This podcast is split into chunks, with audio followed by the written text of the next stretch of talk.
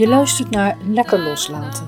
Mijn naam is Janet van Uffelen en deze podcast gaat over het leren loslaten van pijnlijke herinneringen, verlies, ziekte, trauma enzovoort. Vaak wordt ons verteld dat je het een plekje moet geven en mee moet leren leven. Maar dat is helemaal niet nodig. Je kunt leren loslaten. Lekker loslaten. Luister hier naar de verhalen van mensen die daar ervaring mee hebben. Voor mij is het mijn dagelijks werk waarover ik graag schrijf en spreek. Zie voor meer informatie mijn website met de titel lekkerloslaten.nl. Op dit moment ben ik bezig met een boek en daaruit ga ik nu iets voorlezen. Wie je bent is je aangepraat. Willem was iemand die muziek in mij zag. Hij leerde mij slagwerkinstrumenten spelen en ritme lezen van blad. Ik vond het geweldig. Hij studeerde aan het conservatorium en zei dat ik de juiste bouw en mond had om van God te spelen. En hij vroeg of ik dat leuk zou vinden, want het leek hem echt iets voor mij. Ik was nieuwsgierig en leerde graag, ook al had ik geen idee wat een fagot was. Willem regelde Donna voor mij, een fagotiste uit Alaska die een paar jaar ouder was dan ik en ook studeerde aan het conservatorium. En hij zorgde dat ik een fagot in bruikleen kreeg van het conservatorium. Zo'n instrument was toen al 7000 gulden. Ik had echt heel erg veel geluk. Betaalde slechts de verzekering van 22 gulden per jaar. Maar thuis begrepen ze er niets van en maakten vooral grappen over het geluid. Haal de brug maar op, want er komt de stoomboot aan. Gek genoeg hadden wij een brug in huis om bij de duiventil boven het trapgat te komen. Wie was hier nou gek? Een kind van 15 dat een bijzonder fijn houten instrument leerde bespelen? Of een volwassen man die duiven in een hokje lokte? Maar ik werd uitgelachen. Donna leerde me ook solfège en dat deed ze met veel liefde en geduld. Ik ging graag naar haar toe en ik genoot van het spelen en van het geluid dat ik uit het instrument kreeg. Ik hield van de fagot, maar ik kon me slecht concentreren. Op school ging het moeizaam. Ik had te veel aan mijn hoofd ik voelde me thuis niet meer thuis. De scheiding van mijn ouders had niet veel verbetering gebracht. Integendeel. Mijn zus was uit pure wanhoop getrouwd en woonde niet meer bij mij. En als ik dan iets probeerde, werd er omgelachen door twee knettergekke volwassenen. Mijn moeder en haar nieuwe partner. Ondanks de domme grappen had ik mijn moeder nog steeds nodig. Dit was mij normaal. Na twee jaar had het conservatorium het instrument nodig voor een leerling. Met moeite nam ik afscheid. Over een fagot huren of kopen viel niet te praten. Daar was natuurlijk geen geld voor. Later kocht ik een piano en nam ik pianoles. Ik heb al vele jaren een piano in huis, maar ik heb het leren bespelen nooit meer serieus volgehouden. Wel liep ik altijd te zingen, net als mijn oma. Willem, een andere Willem, merkte op dat ik een mooie stem had en vond dat ik daar iets mee moest doen. Hij regelde voor mij dat ik zangles kreeg Zo'n 18 jaar heb ik gezongen in een koor van redelijk niveau en heb ik solfège geleerd. Nu kan ik redelijk van blad lezen, maar nooit zonder het gevoel dat ik er eigenlijk niets van bak. In het musiceren heb ik veel last gehad van de muziekcultuur en het dogma bij mij thuis. In ons normaal wordt geen echte muziek gemaakt. We zingen wel, bij voorkeur foute teksten op ieder liedje, en ik heb veel van die onzin geleerd. Ik heb een bloedhekel aan smartlappen en aan al die sentimentele liederen die bij mij thuis geluisterd en gezongen werden. Het is vals sentiment vanuit slachtoffermentaliteit. Ik walg ervan als ik het hoor. Nou ja, inmiddels niet meer. Kan het me niks meer schelen. Het is zo zielig en zo machteloos. Mijn oma zong vaak en door haar ken ik heel veel oude liedjes. En met oma heb ik veel gezongen. Louis David zong als je voor een dubbeltje geboren bent, bereik je nooit een kwartje. Of je Grieks, Latijn of twintig talen kent, gerust het leven tartje. Je verbeeldt je dat je aan de touwtjes trekt, maar heus het leven smijt je heen en weer. Als je voor een dubbeltje geboren bent, bereik je nooit een stuiver meer. Uit het hoofd, net zo makkelijk, zonder Google. Deze tekst, inclusief de volgende coupletten, zitten er goed ingestampt. Oma zong dit met verve en vrolijkheid. Moet ik nog verder? Of zie je hoe ik geprogrammeerd ben om mezelf klein te houden? Dit liedje van Louis Davids bevat geen enkele aanmoediging om ondernemer te worden. Om je eigen werk keer op keer te bedenken en vorm te geven. Of om boeken te schrijven, of zalen toe te spreken, of een podcast. Of te bedenken dat je een internationaal bedrijf kunt neerzetten. Dat werd niet aangemoedigd, want ze hadden geen idee dat dit mogelijk was voor mensen zoals wij. Maar gelukkig zongen we ook met Jozef Schmid. Heute ist der schönste in meinem Leben. Goed voor mijn muzikaal gevoel, want dat had mijn oma zeker. En de vele concerten met de koren waarin ik zong, werden in kerken gegeven. En vrijwel altijd was er familie die kwam luisteren. Ook al was het anders dan thuis, het werd gewaardeerd. Jullie mogen allemaal tekeer gaan met die box, zei mijn broer tegen zijn vrienden. Maar we weten dat er hier maar één is die echt kan zingen, en dat is mijn zus. En dan zette hij de karaokebox aan. De rest van de avond verstond je niemand meer, dus eindig gesprek. Gebeurt het nog wel eens dat jij de tijd vergeet als je ergens mee bezig bent? Vaak genoeg? Of sta je dat niet meer toe? En zo niet, hoe komt het dat je nooit meer opgaat in een activiteit zoals je vroeger kon verdwijnen in creatie? Beter volwassen geworden? Vind je tijdverspilling? Ben je vergeten hoe het was om je ergens in te verliezen en dat het nog steeds kan? Wie ben je? Ik ben een eigenzinnig, eigenwijs, ondernemend, asociaal wezen.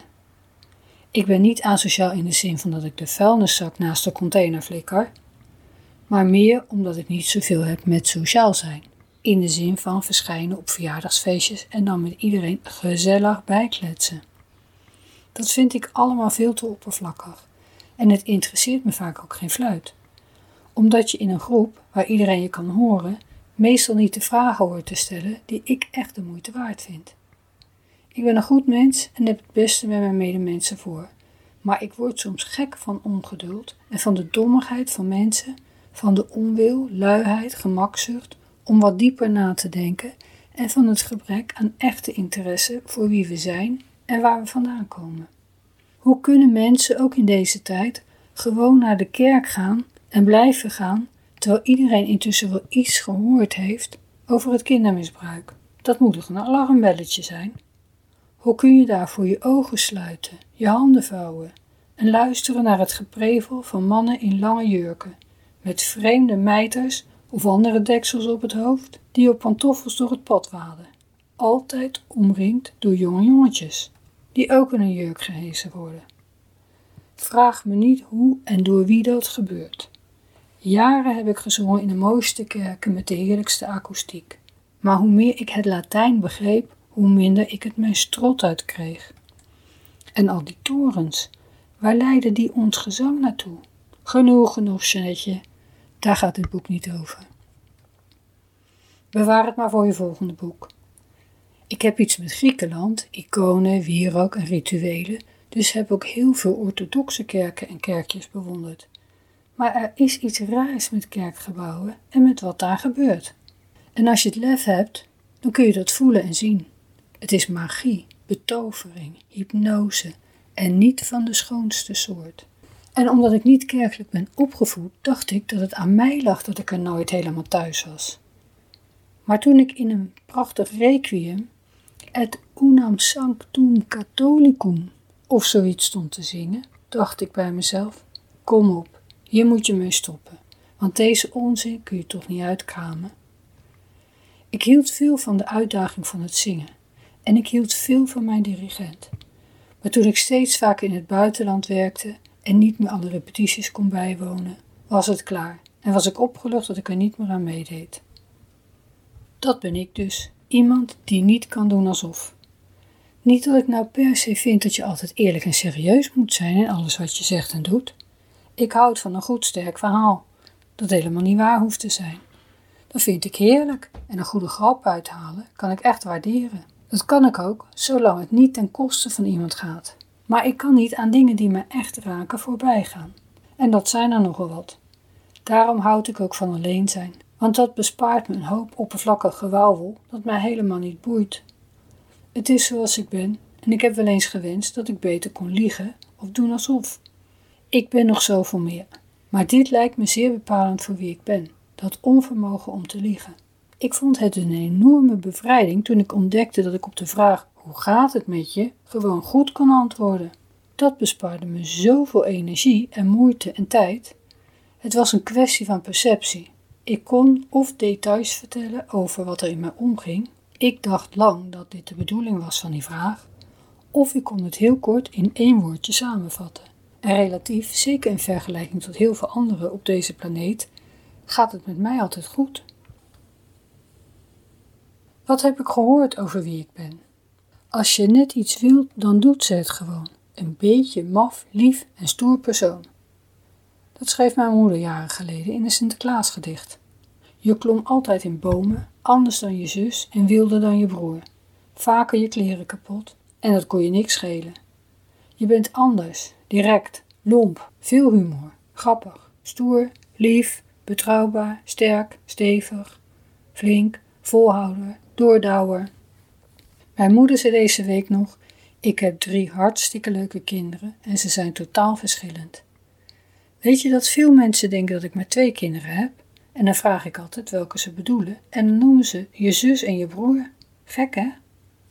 Volgens mij heeft dat te maken met het feit dat ik al meer dan 40 jaar niet leef in de buurt waar ik opgroeide. Ik herken al hun gezichten, maar ga er meestal vanuit dat ze mij niet herkennen. Mensen die mij wel herkennen, zeg ik dat ik niets veranderd ben. Mijn broer en zus hebben er langer gewoond, hadden er hun kinderen op school en hebben er vrienden, kennissen en klanten. En ook al woon ik alweer ruim 20 jaar geografisch gezien behoorlijk dichtbij, ik loop of fiets die buurt in en uit, maar maak er geen deel van uit. Ik ben anders. Dat heb ik altijd gehoord en ik heb dat nooit erg gevonden. Ik wilde er ook heel graag weg, dus ik heb de buurt en stad verlaten toen ik twintig was. Ik heb er nooit gewerkt en heb er geen sociaal leven, behalve dat mijn familie er woont. Wie denk ik zelf stiekem dat ik ben? Soms denk ik dat het sterk, flink, stoer zijn me minder aantrekkelijk heeft gemaakt. Ik kan heel veel van iemand houden en ben trouw, maar het feit dat ik zelfstandig ben, voor mezelf kan zorgen, mijn huis kan verbouwen, kleding maken, een bedrijf kan hebben terwijl ik een kind opvoed en zoveel meer, lijkt ervoor gezorgd te hebben dat ik te onafhankelijk gevonden word. Dat heb ik niet helemaal zelf verzonnen, want het is me ook meer dan eens gezegd. Maar hoe kun je nou ooit te onafhankelijk of te autonoom zijn? Dat bestaat volgens mij niet eens. Hans Korteweg schreef eens: Niemand heeft mij ooit iets aangedaan en niemand kan iets voor mij doen. Volgens mij is dat de ultieme verantwoordelijkheid nemen voor je eigen leven in iedere relatie en in iedere situatie. Ik ken Hans al meer dan 30 jaar. Ik weet dat hij trouw is en al heel lang getrouwd en inmiddels bijna 80. Ik lees zijn blogs waarin hij zijn zielenroerselen en praktische omstandigheden deelt. Ik heb nog nooit gehoord dat zo iemand te onafhankelijk genoemd wordt. Nee, in zijn geval is dat juist inspirerend. Mahatma Gandhi zei het net iets anders. Nobody can hurt me without my permission. Verantwoordelijkheid nemen voor jezelf en voor heel je verleden en toekomst. Dat klinkt als een klok in mij. Ik zou natuurlijk ook best wel mijn hele leven in iemands schoot willen gooien en zeggen: Kun jij er iets moois van maken? En ook zorgen dat ik altijd ruim geld overhoud, met name om aan mijn kind te geven. Maar daarvoor ben ik hier niet, denk ik. Dat is juist mijn opdracht, vrees ik om het helemaal zelf te doen. Maar dat wil niet zeggen dat ik nooit hulp vraag. Dat heb ik wel geleerd en ik heb ervaren dat ik dan ook hulp krijg. Eerlijke, gelijkwaardige hulp, zonder voorwaarden, vanuit vertrouwen. En ik heb ook ervaren dat mensen zeggen te helpen en dan achteraf voorwaarden gaan stellen of er een machtsstrijd van maken. Dat was jammer en toen ik dat doorhad, was het snel uit met de pret. Ik heb de gave aan te voelen of iemand iets probeert te verbergen en de schone schijn ophoudt. En ik heb nooit begrepen waarom mensen dat doen. Het irriteerde me vaak, want het is een omweg naar echt contact en verbinding.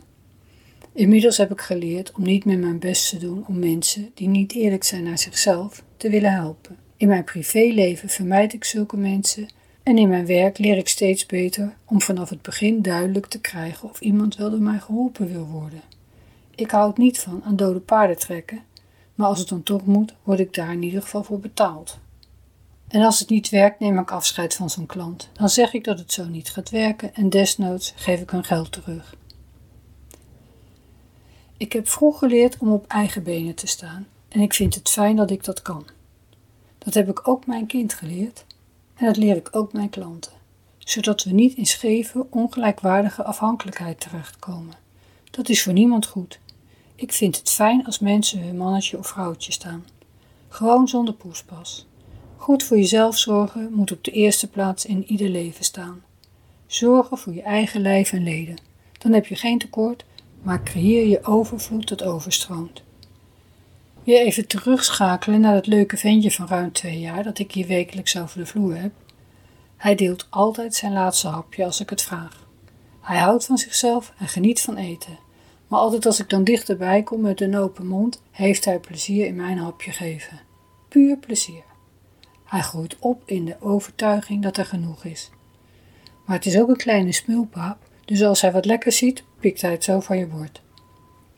Een groot verschil met mijn vader, die naar wat ik van hem gehoord en gezien heb, veel te kort is gekomen en hierdoor een verknipt ventje werd.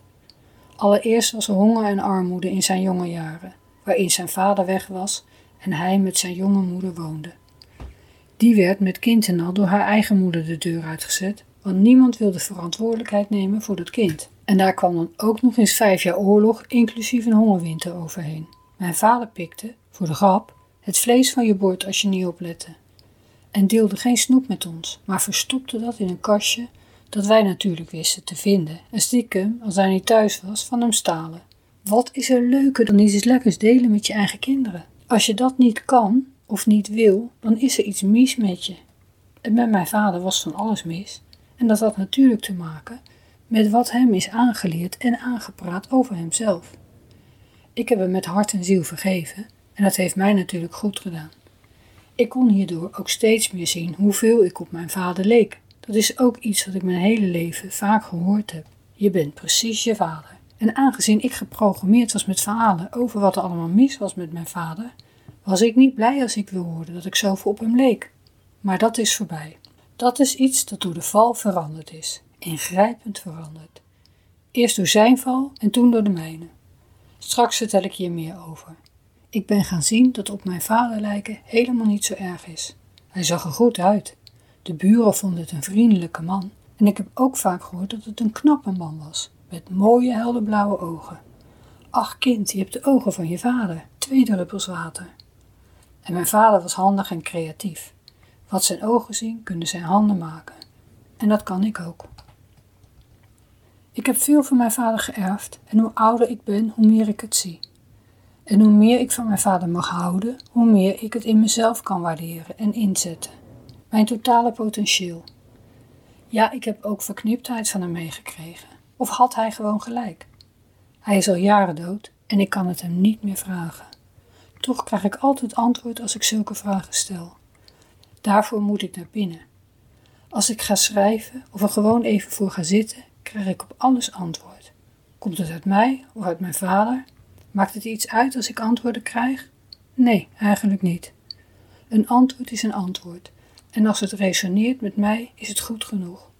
Of het nou van mijn dode vader, die in de hemelen zijt, komt, of van het kleine ventje, of van mijn kind, of van de buurman, of uit een boek, of via YouTube van Johnny Depp, die ook best leuke ideeën deelt over hoe je je kinderen moet opvoeden. Ik noem maar wat. Ik ben dus een kind van mijn ouders, die mij alles hebben gegeven wat ze hadden. Behalve de Engelse drop die we van mijn vader moesten pikken. Maar inclusief al hun liefde, creativiteit, talenten en gekte. Want ze zijn knettergek, allebei. En ik dus ook. En jij ook. Zeker als je denkt dat je dat niet bent. Als je denkt dat je normaal bent of streeft naar normaal zijn. Dan pas ben je gek.